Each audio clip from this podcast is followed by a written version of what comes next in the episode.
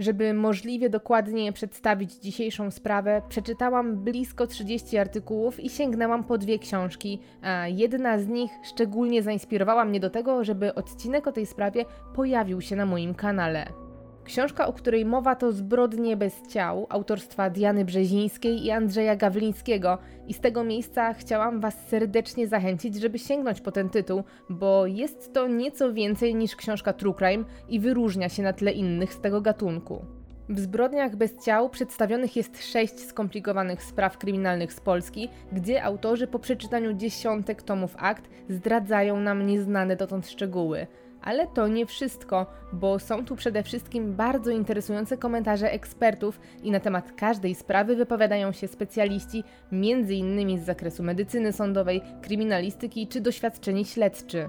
Jest tu nawet jeden ciekawy akcent, mianowicie wywiad z samym zabójcą, a wszystkie sprawy podsumowane są też komentarzem autorów i dzięki temu poznajemy przebieg wydarzeń, ale i punkt widzenia fachowców. Warto nadmienić, że jest o czym dyskutować, bo omawiane w tej książce sprawy są nietypowe i niektóre, pomimo upływu wielu lat, do dzisiaj wciąż rodzą liczne pytania. O zbrodniach bez ciał wspominam dlatego, bo mam dla Was niespodziankę. Audiobooka tej książki, jak i wielu innych z każdego gatunku, możecie wysłuchać już dzisiaj w całości i to zupełnie za darmo. Razem z partnerem dzisiejszego odcinka, którym jest aplikacja do słuchania audiobooków BookBeat, przygotowaliśmy kod dla moich słuchaczy, który umożliwia 30-dniowe darmowe skorzystanie z aplikacji w pakiecie premium. Wystarczy tylko, że wejdziecie na stronę bookbit.pl i podczas rejestracji nowego konta użyjecie kodu HERING. Ten kod sprawi, że na aż 30 dni otrzymacie darmowy dostęp do wszystkich znajdujących się tam audiobooków i e-booków. Książek słucha się dzięki naprawdę prostej w obsłudze aplikacji, którą po rejestracji instalujecie na telefonie lub tablecie. Dzięki temu audiobooków możecie słuchać w dowolnym miejscu, a nawet offline, po oczywiście wcześniejszym ściągnięciu materiałów na swój telefon.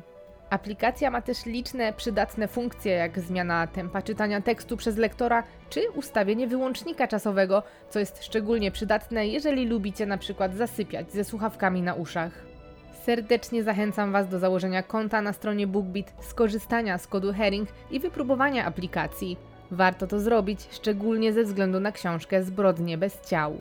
Z subskrypcji możecie zrezygnować w dowolnym momencie, a założenie konta i skorzystanie z kodu absolutnie do niczego Was nie zobowiązuje. Więcej informacji razem z linkiem z wpisanym kodem Herring znajdziecie w opisie tego filmu. Tymczasem razem z BookBeat zapraszamy na najnowszy odcinek.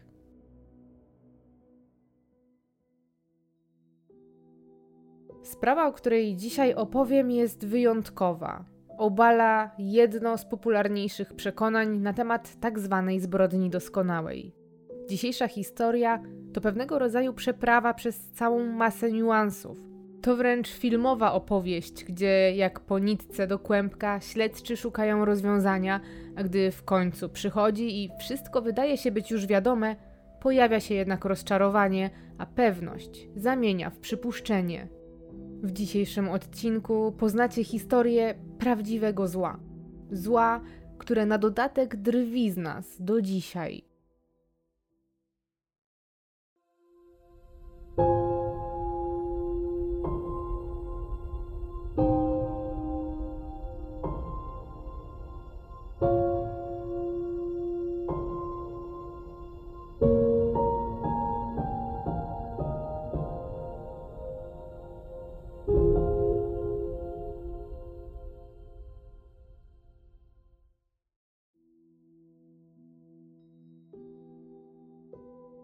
Jest koniec 2000 roku.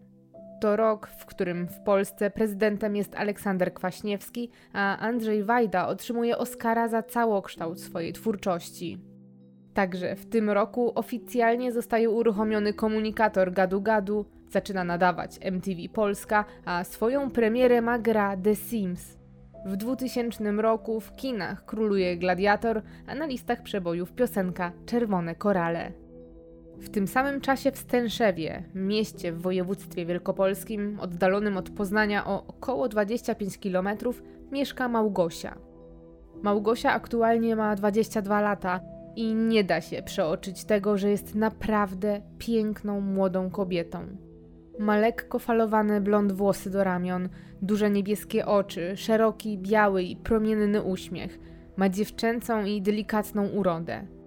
Do tego wszystkiego jest szczupła i wysoka, bo mierzy 1,74 m wzrostu, a jej znakiem rozpoznawczym jest pieprzyk po lewej stronie ust. Gosia dosłownie wygląda jak modelka lub fotomodelka i zresztą to skojarzenie jest słuszne, bo kilka lat wcześniej próbowała swoich sił w modelingu i ma parę sesji zdjęciowych na swoim koncie, ale to nie z tą branżą wiąże swoją przyszłość.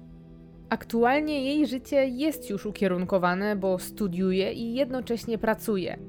Uczy się w Wyższej Szkole Zarządzania i Bankowości w Poznaniu, a pieniądze na życie zarabia w serwisie urządzeń grzewczych, ale bynajmniej nie zajmuje się tam sprawami technicznymi, a jest raczej kimś w rodzaju asystentki lub sekretarki. Jej zadania w pracy to przede wszystkim kontakt z klientem, przyjmowanie nowych zleceń i uwzględnianie ich w terminarzu. Ma więc bardzo poważne zadanie, bo dzięki jej pracy firma może płynnie funkcjonować i tak też się dzieje, bo Gosia świetnie sobie radzi, co zresztą jest wypadkową jej kilku cech. Przede wszystkim ta młoda kobieta jest samodzielna i bardzo odpowiedzialna, szczególnie biorąc pod uwagę jej młody wiek. Do pracy przykłada się od samych jej początków, jest sumienna, nigdy się nie spóźnia. To takie detale, które razem sprawiają, że jest naprawdę dobrym i szanowanym pracownikiem – przy tym wszystkim ma jeszcze jeden dar, a jest nim ogromna łatwość w nawiązywaniu kontaktów z innymi ludźmi. Małgosia jest też zawsze uśmiechnięta, bardzo pogodna i miła, i w połączeniu z tą przyjemną dla oka aparycją każdy ją po prostu lubi. Właśnie te cechy przekładają się na jej życie zawodowe, ale i na prywatne, bo dzięki temu usposobieniu Gosia ma bardzo wielu znajomych, a jej życie towarzyskie jest bogate. Dziewczyna lubi się bawić, lubi wychodzić do ludzi, korzystać z młodości, ma też oczywiście ogromne powodzenie wśród mężczyzn. W życiu Gosi ważna jest też rodzina, szczególnie bliska jest jej mama i brat, ale też przyjaciółka Ania. To właśnie z Anią Gosia spędza bardzo dużo czasu, a teraz, pod koniec roku, planują wspólny wyjazd na Sylwestra. Ten wyjazd to ostatnio główny życiowy temat Gosi, bo zresztą dla obu młodych dziewczyn jest to wielka wyprawa, na którą już nie mogą się doczekać. Przyjaciółki wybierają się aż do Barcelony, drugiego największego miasta w Hiszpanii. Chcą świętować tam koniec 2000 roku i nadejście nowego 2001. Dziewczyny mają w planach jechać do Barcelony razem ze zlotem młodzieży katolickiej, ale co istotne, tylko Ania jest związana z ruchem katolickim. Małgosia nie za bardzo, ale zupełnie jej to nie przeszkadza, bo jedzie tam z koleżanką dla towarzystwa, ma zamiar dobrze się bawić i poznawać nowe osoby. Młode kobiety wyjazd mają już prawie pewny.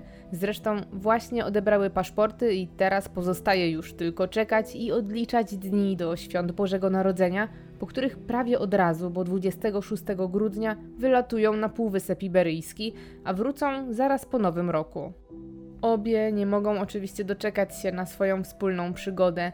Gosia w zasadzie już żyje tylko tym wyjazdem, ale pamięta też o świętach. Bardzo lubi ten czas czwartek 21 grudnia kupuje świąteczne prezenty, a wieczorem po pracy ubiera choinkę w czerwone bombki. Jednocześnie też przygotowuje się do wyjazdu. W jej pokoju czuć właśnie to podwójne oczekiwanie. Leżą tam dwie przygotowane torby. W jednej są prezenty, które dopiero będzie pakować, a w drugiej znajdują się przygotowane do wyjazdu rzeczy z paszportem na samym wierzchu. Jest piątek 22 grudnia 2000 roku. Już za dwa dni w niedzielę Wigilia, a za kolejne dwa dni wyczekiwany wyjazd. Dzisiejszy dzień jednak jest jeszcze zupełnie zwyczajny. To zwykły dzień pracujący, ale jednak ostatni przed świąteczno-noworocznym urlopem. Małgosia wstaje z samego rana w dobrym nastroju, a około 7.30 wsiada do swojego czerwonego Cinquecento i rusza z rodzinnego Stęszewa w stronę Poznania, bo pracuje w prawie samym centrum miasta, przy ulicy Gąsiorowskich. Po niecałej godzinie jazdy dojeżdża na miejsce i jak zwykle parkuje przy ulicy niedaleko serwisu. W pracy, jak ma to już w zwyczaju, stawia się punktualnie. Dzień też mija bez żadnych komplikacji, a nawet kończy się nieco wcześniej, bo o 15. Gosia ma więc trochę ponadprogramowego czasu, w związku z czym koleżanki z pracy namawiają ją na wspólne zakupy przedświąteczne, ale dziewczyna odmawia, bo ma na dzisiaj plany. Obiecała już swojej mamie, że pomoże jej w przygotowaniach do świąt, które są przecież już zapasem, dlatego żegna się ze wszystkimi i kieruje w stronę auta, żeby wrócić zgodnie z obietnicą do domu. Jest już 17, a Małgosi ciągle w domu nie ma. Jej mama zaczyna się niepokoić, bo córka obiecała, że zaraz po pracy będzie wracać do domu. Jest dużo do zrobienia przed świętami, prezenty ciągle leżą i czekają. Gosia miała je dzisiaj pakować. Mama jest nieco zdziwiona spóźnieniem córki, która jest zawsze słowna i punktualna. Postanawia zadzwonić i dowiedzieć się, czy może coś się zatrzymało. Akurat dobrze się składa, bo zaledwie od kilku dni Gosia ma nowy telefon, który sprawia jej masę radości i z którym od teraz się nie rozstaje. Niestety, kiedy kobieta próbuje dodzwonić się do Gosi, jej telefon nie odpowiada. Kolejne próby także okazują się być bezskuteczne. Skontaktować się z 22-latką próbują też jej znajomi, ale i oni nie mogą się dodzwonić. Przez kolejnych kilka godzin Małgosia nie daje żadnego znaku życia i mimo obietnicy do domu nie wraca. Nadchodzi późny wieczór, jest 21. Na komisariat w Mosinie dzwoni telefon. Pewien mężczyzna zgłasza przebywającemu na dyżurze funkcjonariuszowi, że w okolicznej wsi Świątniki, oddalonej o około 25 km od domu Gosi, w lesie płonie samochód, a płomienie są wręcz ogromne. Zgłaszający zdarzenie mężczyzna prosi o przysłanie patrolu, a także wezwanie straży pożarnej. Na miejscu szybko zjawia się policja i rzeczywiście, zgodnie ze zgłoszeniem, zastają tam płonący samochód. Niestety, jest już bardzo spalony i nie sposób nawet określić na pierwszy rzut oka, w jakim kolorze była pierwotnie jego karoseria, która jest już całkowicie zwęglona. Oznacza to, że auto musi palić się już od jakiegoś czasu. W głowach wszystkich rodzi się też podstawowe pytanie: czy ktoś znajdował się w środku? Samochód zostaje ugaszony przez strażaków za pomocą wody i piasku. Da się wreszcie stwierdzić, że na całe szczęście auto jest puste i nikogo w nim nie było. To pocieszające wieści. Na spokojnie można rozpocząć prace, które mają ustalić do kogo należy pojazd i przede wszystkim dlaczego doszczętnie spłonął. Dokładniejsze oględziny pozwalają odnaleźć pod maską fragment karoserii, który nie został zniszczony przez ogień, dzięki czemu strażacy i policjanci mogą z całą pewnością potwierdzić, że wrak był kiedyś Fiatem Cinquecento w kolorze czerwonym. Przybyła na miejsce pomoc naturalnie szuka też kierowcy. Ktoś musiał dojechać na to odludne miejsce. Zachodzi też podejrzenie, że może doszło do wypadku lub samozapłonu. Policjanci rozglądają się po okolicznym lesie, nawołują kierowcy i ewentualnych pasażerów, ale po nikim nie ma śladu. Prace poszukiwawcze są jednak utrudnione, bo jest już bardzo późno, ciemno, a warunki atmosferyczne nie sprzyjają, bo to w końcu koniec grudnia. W międzyczasie udaje się jednak coś ustalić i dzięki numerowi WIN wiadomo, kim jest właściciel pojazdu, a okazuje się, że to mama Gosi. Śledczy od razu kontaktują się z kobietą w związku ze znalezieniem jej spalonego samochodu w lesie, jednak ta jest zszokowana tym, co słyszy i nie ma pojęcia o sprawie ani o tym, jak do tego doszło. Nadmienia też, że tak naprawdę auto należy do jej córki, która kupiła je za swoje oszczędności i to właśnie ona na co dzień się nim porusza.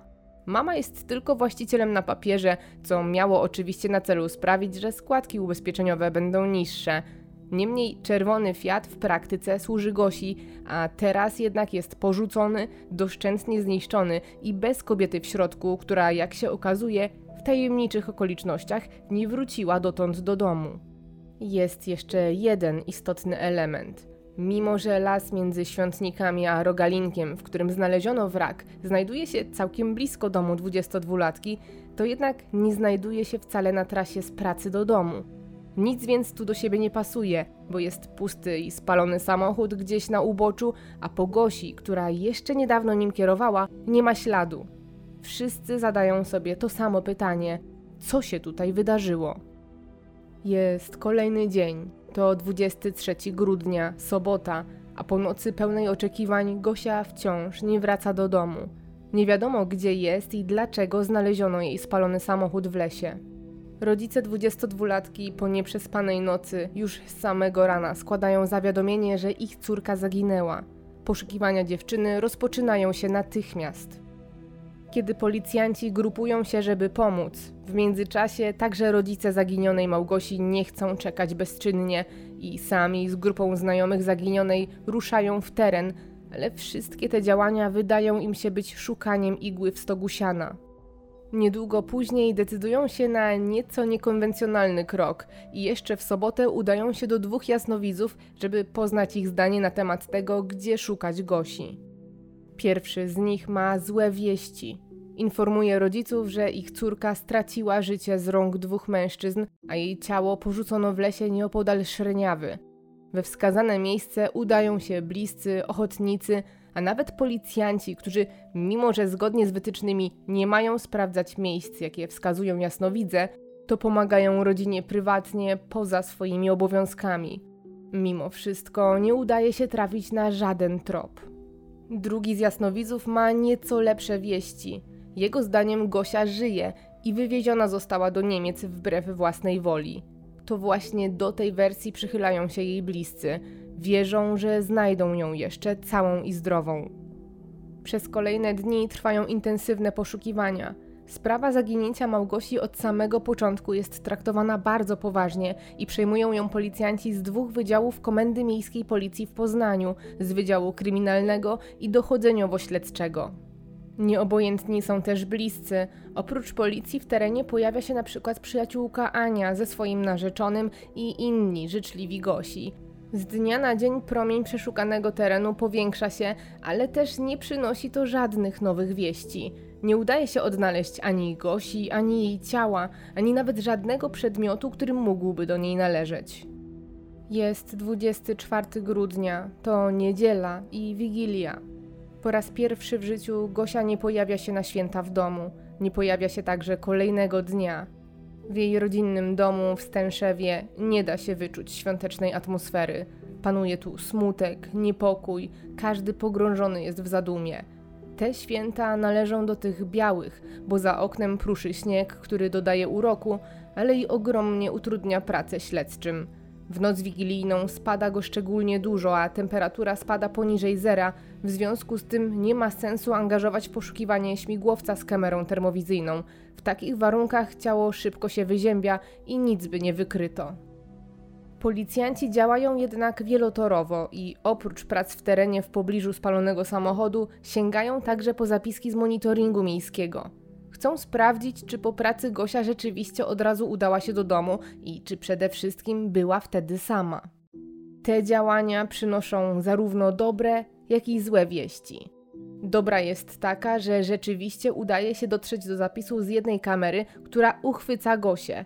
Jest to materiał z kamery z pobliskiego banku, który uchwycił Gosię w piątek, tuż po tym jak opuściła pracę. Na nagraniu widać ją między 15.16 a 15.19. Jest sama i wypłaca pieniądze. Zła wiadomość jest jednak taka, że to jedyne nagranie, które uchwyciło tego dnia zaginioną i jednocześnie ostatni pewny ślad jej obecności. Na tym trop się urywa.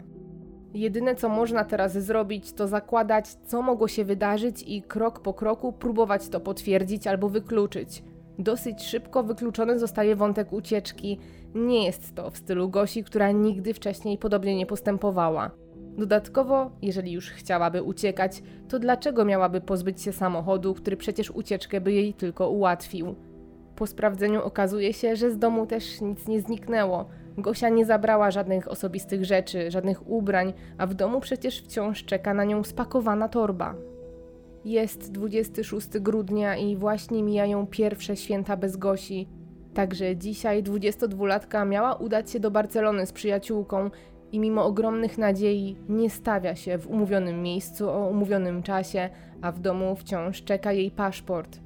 Nawet więc, jeżeli chciała wyjechać i zrobić to sama, nie przekroczyłaby legalnie granicy. Po świętach prace ruszają też na nowo i szczegółowym oględzinom zostaje poddany samochód Gosi, który po odnalezieniu został przewieziony na parking policyjny.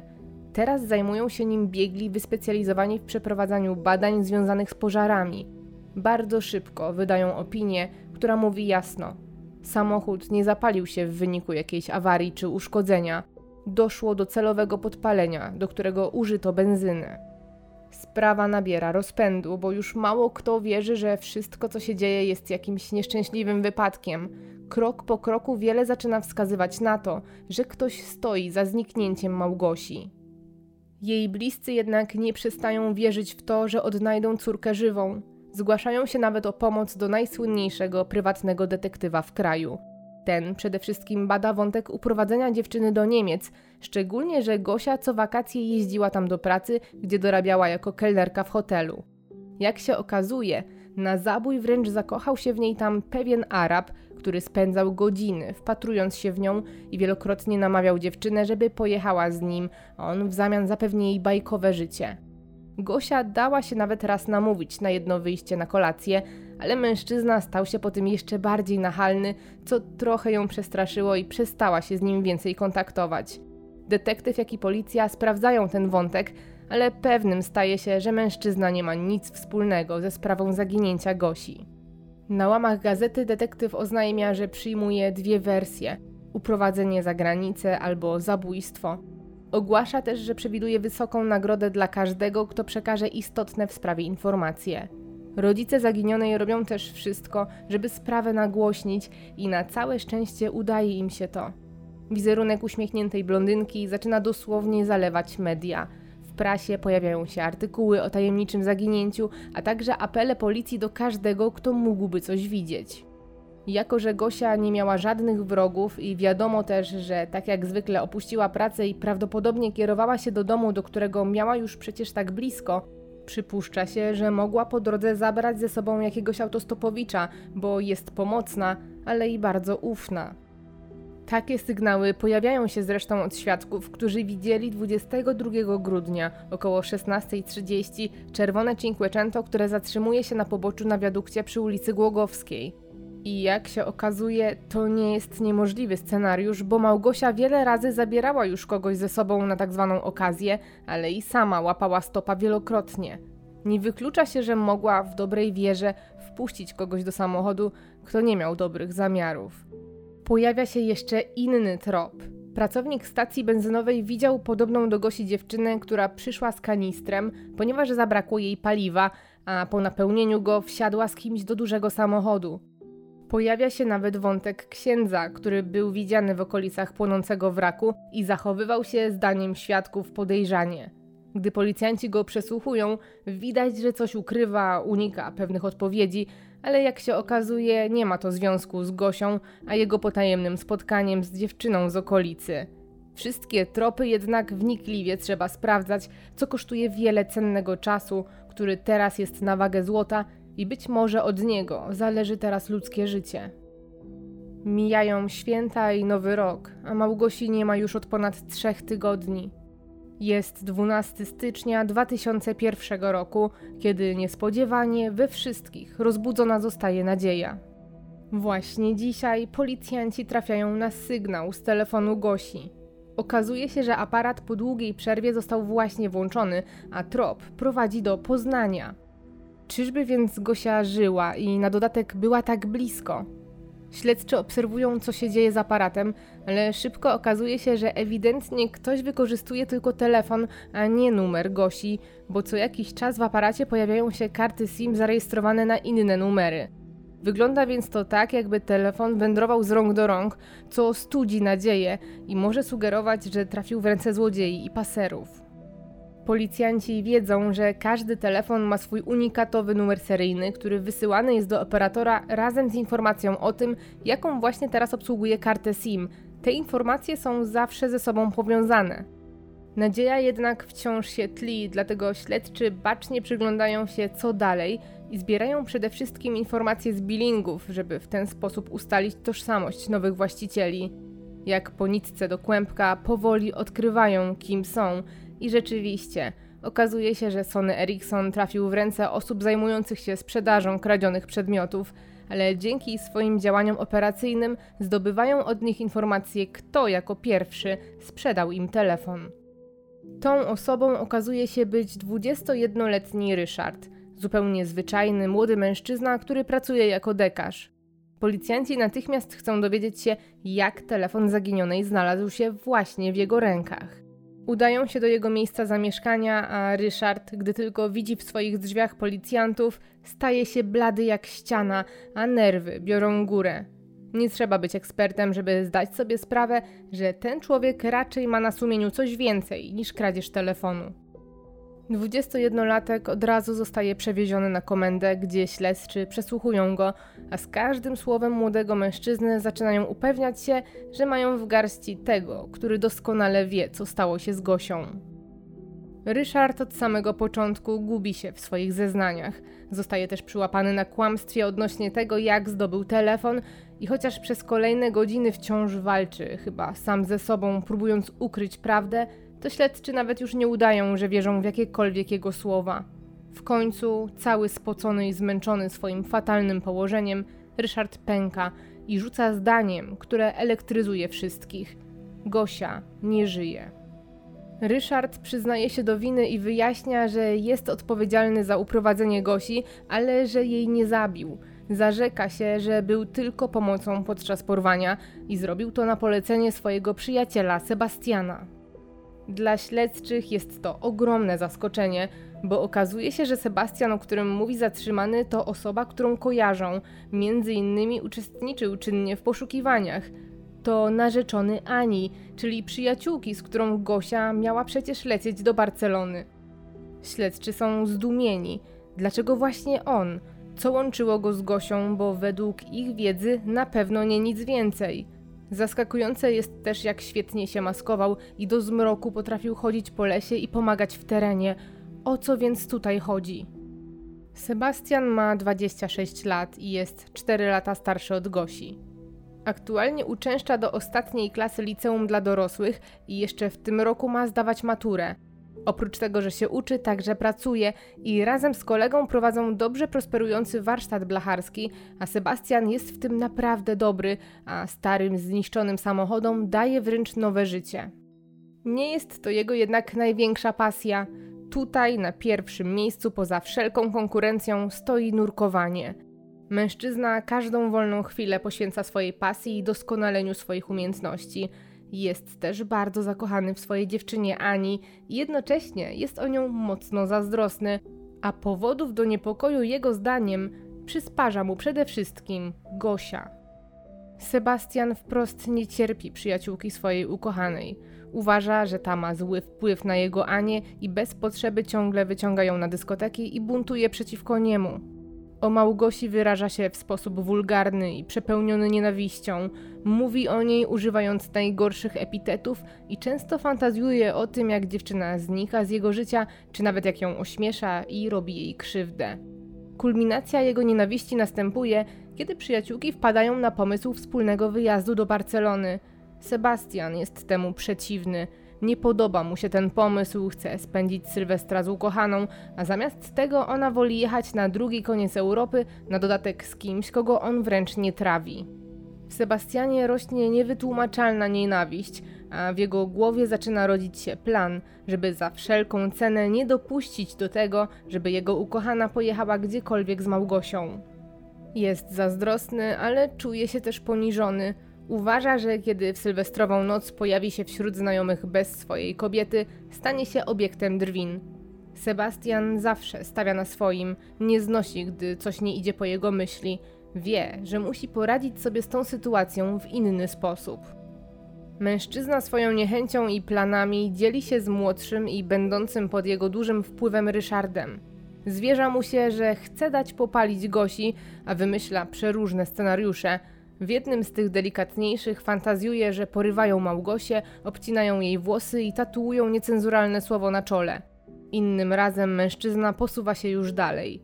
Fantazjuje, że do nieprzytomności upajają przyjaciółkę jego ukochanej, a następnie zostawiają ją w samochodzie na torach, żeby w ten sposób doprowadzić do tragedii.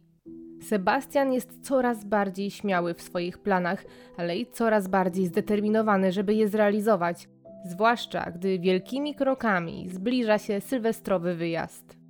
Co ciekawe, poza Ryszardem nikt do końca nie wie o tak wielkiej nienawiści Sebastiana do Gosi, bo na co dzień ci młodzi ludzie po prostu się tolerują. Dlatego śledczy byli tak zaskoczeni. Nie było żadnych sygnałów, że zaginiona ma z kimś konflikt. Jak się okazuje, jednostronny. Jest 22 grudnia. Do wyjazdu dziewczyn zostały już tylko 4 dni. Sebastian zdaje sobie sprawę, że dzisiaj jest już ostatni dzwonek, żeby działać. Wie, gdzie Gosia pracuje i gdzie zastanie ją po południu. W święta, w wolno od pracy, może być nieco trudniej, żeby gdzieś ją zwabić. Namawia Ryszarda, żeby pomógł mu nie dopuścić do wyjazdu jego narzeczonej. Plan ma być prosty. Jadą do Poznania, porywają Gosię i wywożą ją za miasto, gdzie Sebastian ma swój ogródek działkowy. Tam będą przetrzymywać 22-latkę tak długo, aż bilety do Barcelony przepadną i dziewczyny nie wyjadą na Sylwestra. Przed 15 parkują w Poznaniu przy ulicy Śniadeckich i chowają się w okolicznej bramie tuż obok serwisu grzewczego i czekają. Niedługo później na ulicę wychodzi ładna blondynka. To Gosia. Skończyła pracę i kieruje się do swojego samochodu, ale po drodze zagląda jeszcze do banku. To właśnie wtedy kamery rejestrują ją po raz ostatni. Ani ona, ani śledczy, którzy analizują materiał wideo, nie mają pojęcia, że właśnie w tym momencie jest obserwowana. Kiedy Gosia kończy wypłacać pieniądze, wraca i kieruje się w stronę swojego czerwonego Cinquecento. Musi przejść jeszcze na drugą stronę ulicy, dlatego czeka na zielone światło. Sebastian daje wtedy Ryszardowi znać, że to właśnie ten moment, kiedy zaczynają działać. Doganiają Gosię i wbiegają na przejście dla pieszych, na którym przechodzi blondynka. Zrównują się z nią, a Sebastian, udając zaskoczonego spotkaniem, wita się z dziewczyną. Małgosia jest ucieszona z tego, jak myśli, przypadkowego spotkania. Odpowiada miło na przywitanie, a Sebastian od razu pyta, jakie ma plany i czy przypadkiem nie jest w mieście swoim samochodem. Gosia przytakuje. Mówi, że rzeczywiście niedaleko zaparkowała swój samochód i że właśnie do niego zmierza, bo będzie wracać do domu. Sebastian natychmiast wykorzystuje podaną na tacy informację i pyta, czy koleżanka nie podwiezie ich kawałek zaledwie kilka przecznic dalej. Gosia bez cienia podejrzeń i wręcz z przyjemnością zgadza się i oferuje swoją pomoc. Następnie już w trójkę udają się do samochodu. Kiedy docierają do czerwonego Cinquecento, Gosia siada za kierownicą, do tyłu wchodzi Ryszard, a obok niej na siedzeniu pasażera siada Sebastian. Auto rusza i wspólnie jadą kilka przecznic, ale w pewnym momencie Sebastian nakazuje Gosi, żeby zatrzymała samochód we wskazanym przez niego miejscu. Gosia, myśląc, że to właśnie koniec podwózki, wykonuje polecenie znajomego, jednak gdy auto stoi już w miejscu, Mężczyźni wcale nie wysiadają, za to Sebastian nakazuje Gosi, żeby wyłączyła silnik. Dziewczyna jednak chyba zaczyna coś przeczuwać, bo pyta, po co miałaby to robić, ale Sebastian nie ma zamiaru dyskutować. Sięga ręką do stacyjki i sam przekręca kluczyk, gasząc zapłon. Gosia nie wie, co się dzieje, ale zanim zdąży zareagować, Sebastian atakuje. Uderza ją z całych sił i z pomocą Ryszarda obezwładniają kobietę, a następnie taśmą i paskiem związują jej ręce i nogi. W następnej kolejności przerzucają otumanioną i zaskoczoną dziewczynę na tylną kanapę, a za kierownicą siada Sebastian i rusza. Podjeżdża zaledwie kawałek pod swój samochód, który zaparkował niedaleko. Do jego Volkswagena przesiada się Ryszard i już na dwa auta jadą do miejscowości Komorniki, gdzie znajduje się warsztat blacharski Sebastiana i gdzie ma zostać zamknięta Gosia. Kiedy dojeżdżają na miejsce, parkują samochody. Sebastian wysiada i otwiera drzwi pasażera, po czym siłą wyciąga go się z auta, ciągnąc ją za skrępowane ręce. Sytuacja robi się mocno napięta, bo narzeczony i przyjaciółki jest niezwykle wulgarny i agresywny wobec niej. Zachowuje się niedorzecznie, jakby dosłownie coś w niego wstąpiło. Gosia prosi, żeby nie robił jej krzywdy, żeby wytłumaczył, o co mu chodzi. Jest już poważnie przestraszona, ale mężczyzna nie ma zamiaru dyskutować. Odgraża się, ubliża dziewczynie, a następnie siłą zaciąga ją do piwnicy swojego warsztatu. Dziewczyna schodzi po wąskich schodach do ciemnej piwnicy, nie mając pojęcia, co ją czeka. Zaraz za nimi idzie Ryszard. Kiedy w trójkę są już na dole, Sebastian wpada w totalny szał, którego nie sposób zatrzymać. Atakuje Gosię, uderza ją wielokrotnie, aż w końcu rzuca na podłogę. Ta krzyczy. Próbuje walczyć, jest przerażona, ale i wściekła na to, co się dzieje. Gdy leży na zimnej posadzce plecami do ziemi, Sebastian decyduje się na ostateczny krok. Chwyta kuchenny nóż, który znajduje się w pomieszczeniu, po czym staje okrakiem nad przyjaciółką swojej narzeczonej i patrząc jej prosto w oczy, zadaje śmiertelny cios w szyję. Wszystkiemu z boku przygląda się Ryszard, który jest zaskoczony obrotem sytuacji i widząc umierającą dziewczynę wpada w panikę i ucieka z piwnicy schodami do góry. Chwilę później dobiega do niego Sebastian, który jest wręcz zirytowany zachowaniem kolegi. Ustawia go do pionu. Następnie, według wyjaśnień Ryszarda, mężczyźni razem opuszczają miejsce zbrodni i na dwa auta jadą w okolice Rogalinka, gdzie w tamtejszym lesie, upewniając się, że nikt ich nie widzi, parkują czerwone Cinquecento Gosi, we wnętrzu auta rozlewają benzynę, pozostałą resztkę wylewają na prawe tylne koło i wszystko podpalają. Kiedy samochód stoi już w płomieniach, mężczyźni postanawiają skończyć na dzisiaj. Wsiadają wspólnie do drugiego auta i kierują się w stronę domu Ryszarda. Prowadzi Sebastian, a między kolegami wywiązuje się zupełnie normalna rozmowa, jak gdyby nic przed chwilą się nie wydarzyło. Kiedy są jeszcze w trasie, zabójca Gosi wraca jednak do tematu.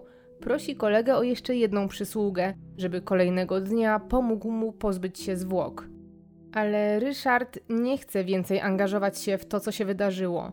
Odmawia i argumentuje to tym, że musi jutro iść do pracy i jedyne co może jeszcze zrobić dla kolegi, to pozbyć się telefonu Gosi. Telefonu, który sprawi później, że policjanci trafią na jego trop. Od zabójstwa mija kilka dni, a do Ryszarda ponownie odzywa się Sebastian, tym razem tonem, który nie pozostawia wyboru, zmusza wręcz kolegę do pomocy. Ma stawić się w komornikach i razem z nim posprzątać piwnicę. Ryszard ulega. Przyjeżdża na miejsce i schodzi do piwnicy. Wtedy odkrywa też, że ciała już tam nie ma. W powietrzu za to unosi się intensywny zapach oleju napędowego, którego ogromne plamy widoczne są na podłodze. Wszystko przysypane jest też piaskiem. Widać, że Sebastian doskonale wie, co robi i wie, jak sprawić, żeby śledczy nie znaleźli żadnego śladu po zbrodni. Jest 13 stycznia 2001 roku, godzina 21. Po tym, co śledczy właśnie przed chwilą usłyszeli od Ryszarda, od razu stawiają się w miejscu zamieszkania Sebastiana, żeby i jego doprowadzić na przesłuchanie. Jeszcze tego samego dnia mężczyzna przyznaje się do uprowadzenia i zabójstwa Gosi.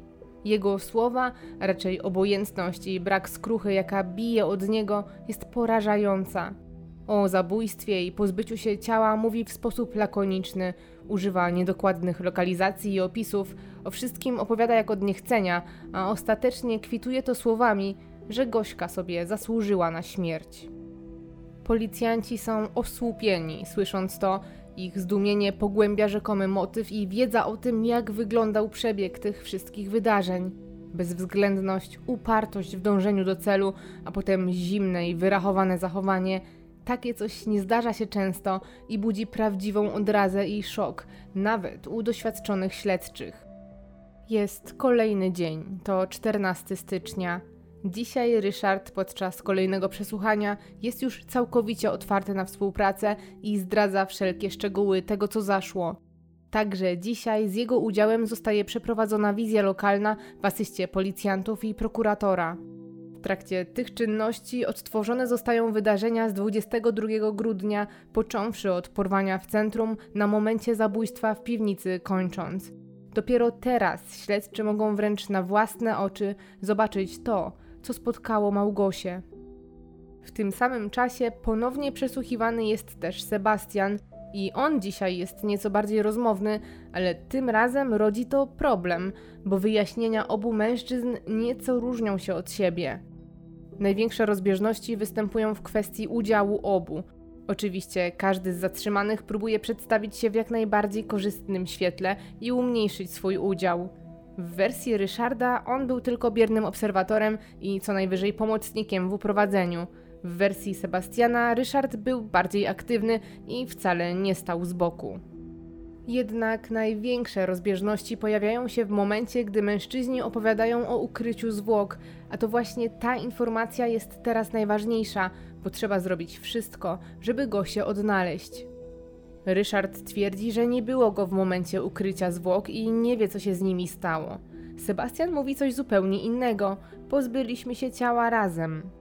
Według pomysłodawcy uprowadzenia, po odebraniu życia Gosi, mężczyźni wspólnie zaczęli zastanawiać się, co dalej. W pierwszej kolejności chcieli podpalić ciało razem z samochodem i upozorować wypadek, ale zdali sobie sprawę, że policja szybko zorientuje się, że to fałszywy trop. Wtedy Sebastian pomyślał o wodzie i ten pomysł wydał mu się lepszy. Wspólnie ciało owinęli kocem. Do środka wrzucili jeszcze cegłę, która miała stanowić dodatkowe obciążenie. Wszystko zawiązali ciasno taśmą, tworząc coś na wzór pakunku.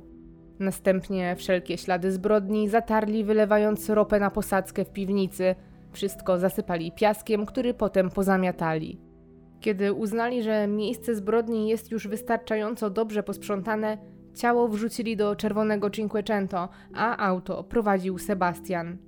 Drugim samochodem kierował Ryszard i razem udali się na południe, gdzie po około 15 kilometrach zatrzymali się w rogalinku, przez który przepływa Warta. Ryszard zatrzymał się przed mostem, a Sebastian, prowadzący czerwone Cinquecento, wjechał na most sam. Zadaniem młodszego kolegi było stanie na czatach. Gdyby zauważył na przykład, że jedzie jakieś auto, miał mrugnąć długimi światłami, żeby ostrzec kolegę. Na ich szczęście nikt jednak nie jechał i korzystając z okazji, Sebastian wyjął ciało Gosi z auta i przerzucił je przez barierkę mostu, wrzucając do warty. Śledczy ruszają śladem słów podejrzanych, zarówno do piwnicy w komornikach, jak i na wskazany most. W piwnicy rozpoczynają prace kryminalistyczne, szukają śladów, które potwierdzą, że Gosia tu była. Wyjaśnienia zatrzymanych dają na to nadzieję, bo według relacji obu Gosia straciła życie na skutek utraty dużej ilości krwi, której obecność technicy powinni bez trudu odnaleźć na posadzce. Policjanci w piwnicy, tam gdzie widać jakieś plamy lub gdzie można się ich spodziewać, rozpylają mieszankę luminolu i wody utlenionej. Jeżeli będzie tam krew, to na około 30 sekund pojawi się charakterystyczne świecenie. Kiedy policjanci zaczynają wykonywać tą rutynową czynność, już od samego początku wiedzą, że czeka ich wiele trudu, ponieważ świeceniem reaguje prawie cała powierzchnia w piwnicy. Niestety i luminol można oszukać i zareaguje świeceniem także gdy natrafi na kał, preparaty czyszczące zawierające wybielacz, czy właśnie ropę, jaką, jak przyznali Sebastian i Ryszard, użyli do zacierania śladów. W związku z tym techników czeka cała masa pracy, by w tych licznych śladach odnaleźć to, czego szukają. Na całe szczęście udaje się znaleźć drobne ślady obecności hemoglobiny, ale wciąż są to zbyt małe próbki, by można poddać je badaniom genetycznym i tym samym ze stuprocentową dokładnością ustalić, do kogo należy. Ostatecznie jednak udaje się odnaleźć miejsce, które najwyraźniej sprawcy przeoczyli framugę drzwi do piwnicy. Jedna drobna plamka okazuje się być przełomem w sprawie. Zostaje porównana z materiałem genetycznym Gosi pobranym z jej piżamy i jak się okazuje, wyodrębniony genotyp jest w obu przypadkach identyczny. Dokładnie taki genotyp według specjalistów występuje u jednej na 2 tryliony kobiet. Pozwala to stwierdzić, że z dużym prawdopodobieństwem Gosia była w tej piwnicy. W czasie, gdy trwają prace, rozpoczyna się też drugie przesłuchanie Sebastiana, ale tym razem jego słowa brzmią zupełnie inaczej niż poprzednio. Mężczyzna teraz zaprzecza, by cokolwiek miał wspólnego z zabójstwem, nie przyznaje się do winy i przestaje współpracować. Jest 15 stycznia. Właśnie dzisiaj na moście w Rogalinku zbierają się policjanci, bo przybyła tu grupa sześciu płetwonurków z policji i straży pożarnej. Już za moment rozpoczynają swoje prace poszukiwawcze w Warcie. Będą przeczesywać dno i szukać Gosi. W dzisiejszych poszukiwaniach bierze też udział wynajęty przez rodzinę prywatny detektyw, który w śmigłowcu lata nad rzeką, żeby z góry wypatrywać ciała. Niestety, mimo wielu godzin pracy, niczego nie udaje się znaleźć. Takie działania powtarzane są w kolejnych dniach, a nurkowie schodzą na dno rzeki wielokrotnie.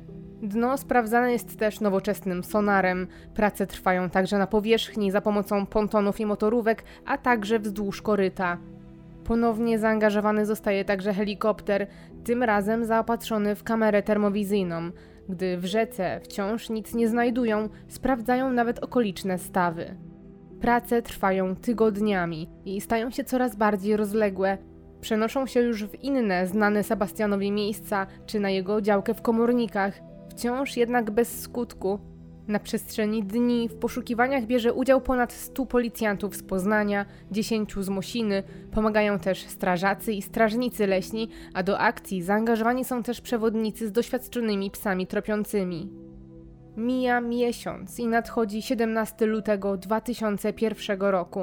Kolejni już nurkowie zostają zaangażowani w poszukiwania. Tym razem są to płetwonurkowie, którzy przynależą do klubu działającego przy Lidze Obrony Kraju, a także specjaliści z pododdziału antyterrorystycznego. Warunki są jednak trudne. Warta ma silny prąd, a temperatura wody to około 2 stopnie.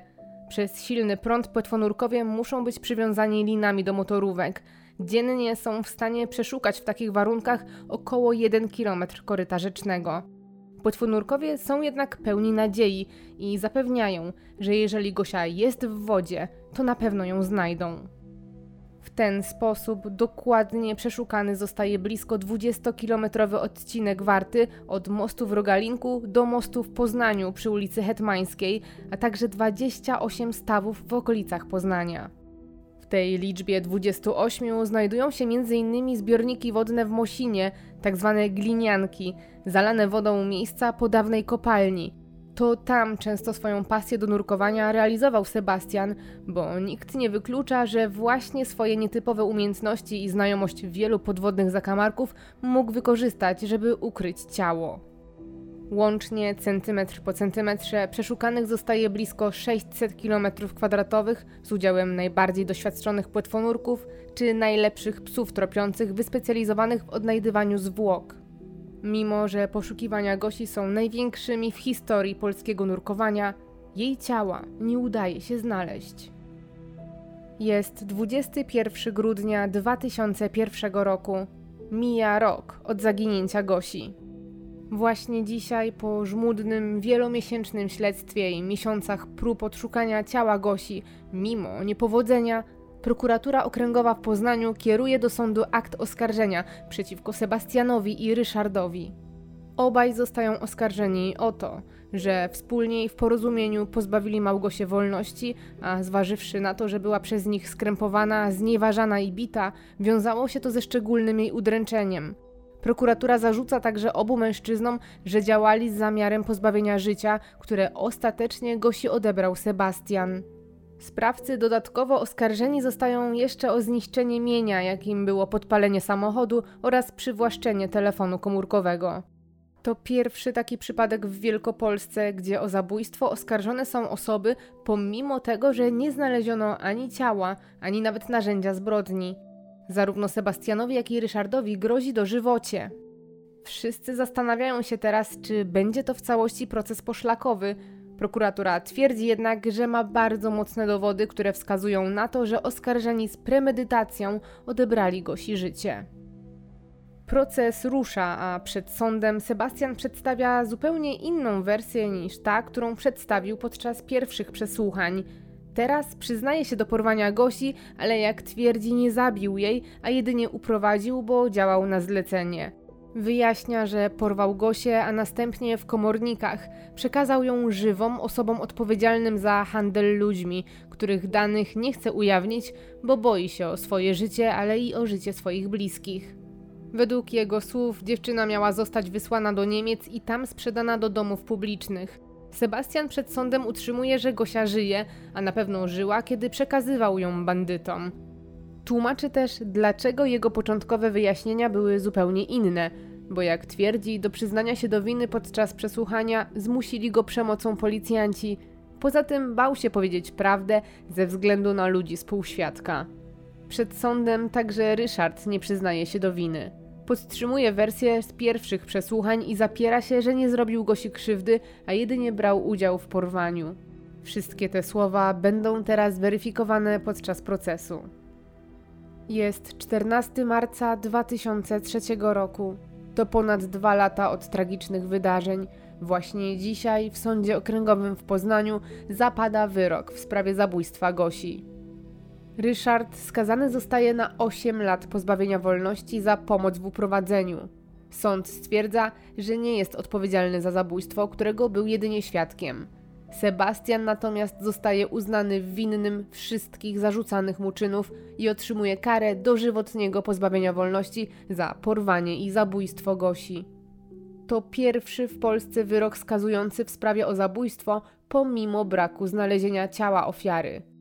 Jak podkreśla sąd, wątpliwości nie było, a winni podczas pierwszych przesłuchań opisali prawdę i podali wiele szczegółów i opisów tego, co wydarzyło się 22 grudnia. Ostatecznie los mężczyzn przypieczętowała kropelka krwi, która okazała się być identyczna z próbką pobraną z piżamy Gosi. Podczas uzasadnienia wyroku sąd zwraca się do mamy Gosi i jej brata, co jest nieco trudne, ponieważ ci wciąż wierzą, że ich córka i siostra jednak żyje, ale według sądu niestety nie ma żadnych podstaw, by tak twierdzić. Oskarżycielka posiłkowa rodziny podczas mowy końcowej zaznacza, że sprawcy wykazali się wyjątkowym okrucieństwem, bo skrzywdzili Gosię, ale i podwójnie skrzywdzili rodzinę, odbierając jej ukochaną osobę, ale i nie dając szansy na ukojenie poprzez niewskazanie, gdzie znajduje się ciało. Sebastian wyrok przyjmuje z kamienną twarzą, patrząc przed siebie. Opuszcza głowę dopiero, kiedy decyzję swoją uzasadnia sąd. Ryszard natomiast przez cały czas chowa swoją twarz w dłoniach i on jako jedyny z dwójki decyduje się publicznie przeprosić bliskich Gosi, jednak brat ofiary nie pozwala mu dokończyć, kwituje to jedynie słowami przestań człowieku. Bliscy wszystko bardzo przeżywają i zaznaczają przez łzy, że nie rozumieją, dlaczego ktoś mógł bez żadnego powodu odebrać im ukochaną osobę i zasługuje to na największe potępienie. Dzisiejszy wyrok jest jeszcze nieprawomocny. Mija pół roku, jest 30 września 2003 roku. Właśnie dzisiaj Sąd Apelacyjny w Poznaniu zwraca sprawę w całości do ponownego rozpatrzenia. Uchylenia wyroku zażądał zarówno prokurator, jak i obrońca Sebastiana. Obie strony uważały, że sąd dopuścił się poważnych uchybień. Według strony oskarżającej wybiórczo oceniono złożone wyjaśnienia. Prokuratura zaznacza, że nie wierzy w słowa Ryszarda, że nie wiedział o pomyśle pozbawienia życia Gosi. Obrońca Sebastiana natomiast żąda uniewinnienia. Jak twierdzi, jeden biologiczny ślad to za mało, by skazać kogoś na dożywocie i stwierdzić, że doszło do zabójstwa. Dodatkowo przychyla się do zdania, że wybiórczo potraktowano wyjaśnienia oskarżonych i wzięto pod uwagę tylko te pierwsze. Drugi już proces w tej sprawie ruszy niebawem. Jest 27 maja 2004 roku. To prawie 3,5 roku od tragicznych wydarzeń. Dzisiaj w Sądzie Okręgowym w Poznaniu ponownie zapada wyrok w sprawie zabójstwa Gosi. Sebastian już po raz drugi skazany zostaje na dożywocie, a o przedterminowe zwolnienie warunkowe będzie mógł ubiegać się dopiero po 30 latach odbycia kary, czyli kiedy będzie miał blisko 60 lat. Ryszard natomiast ponownie zostaje uznany winnym jedynie porwania i tym razem sąd wymierza mu już nie 8, a 6 lat pozbawienia wolności. Złagodzenie kary wynika z tego, że jak uznał sąd, mężczyzna nie wiedział o planie zabójstwa, jaki zrodził się w głowie Sebastiana. Był przekonany, że mają dziewczynę jedynie uprowadzić i nie spodziewał się tego, co zaszło w piwnicy. Sebastian zadał cios szybko i nagle, poza ich wcześniejszym porozumieniem. Sąd uznał tym samym, że Ryszard nie był w stanie niczemu zapobiec. Okolicznościami łagodzącymi było też przyznanie się do winy, okazanie skruchy i współpraca ze śledczymi. W uzasadnieniu wyroku podkreślone zostaje też to, że Sebastian to człowiek niezwykle niebezpieczny, pozbawiony empatii i skrupułów i jedyne na co zasługuje to surowa kara oraz izolacja od społeczeństwa. Ten wyrok także jest nieprawomocny, ale 18 listopada 2004 roku, pomimo apelacji wszystkich stron, wyrok zostaje utrzymany w mocy, a Sebastian trafia do więzienia, do celi dla najbardziej niebezpiecznych skazanych. Ciężko mówić tam o jakichkolwiek przywilejach. Do dnia dzisiejszego nie znaleziono ciała Małgosi, mimo że od zabójstwa minęło już ponad 20 lat. Eksperci co do tego, czy zwłoki mogą znajdować się w rzece, mają różne zdanie. Według szefa ekipy nurków, Pawła Sowisło, ciało nie mogło przemieścić się poza obszar, który został już przeszukany. Dodatkowo w wodzie przeprowadzone były poszukiwania na niespotykaną dotąd skalę i jego zdaniem trzeba zweryfikować to, gdzie rzeczywiście ukryto zwłoki. Inne zdanie ma hydrolog Adam Choiński z Uniwersytetu Adama Mickiewicza. Jego zdaniem mogło dojść do przemieszczenia się ciała poza przypuszczalny obszar, a to ze względu na to, że w czasie zaginięcia Małgosi stan rzeki był wyjątkowo wysoki, a w związku z tym zwiększona była jej siła transportowa. Czy jednak coś przeoczono? Czy może Sebastian całkowicie skłamał, gdzie ukrył ciało i na przykład wykorzystał do tego celu swoje umiejętności związane z nurkowaniem? A może ciało nigdy nawet nie znalazło się w wodzie? Tego nie wiemy. Jest rok 2007. Prokuratura Krajowa odmawia wniesienia kasacji do Sądu Najwyższego, ale Sebastian na tym nie poprzestaje. Jego pełnomocnik przekazuje tym razem wniosek o kasację do Rzecznika Praw Obywatelskich. Wskazuje w nim, że materiał dowodowy jest niekonsekwentny i brak w nim twardych dowodów, a brak znalezienia ciała także jasno wskazuje, że nie doszło do zabójstwa i że wersja Sebastiana o przekazaniu Gosi jest prawdziwa.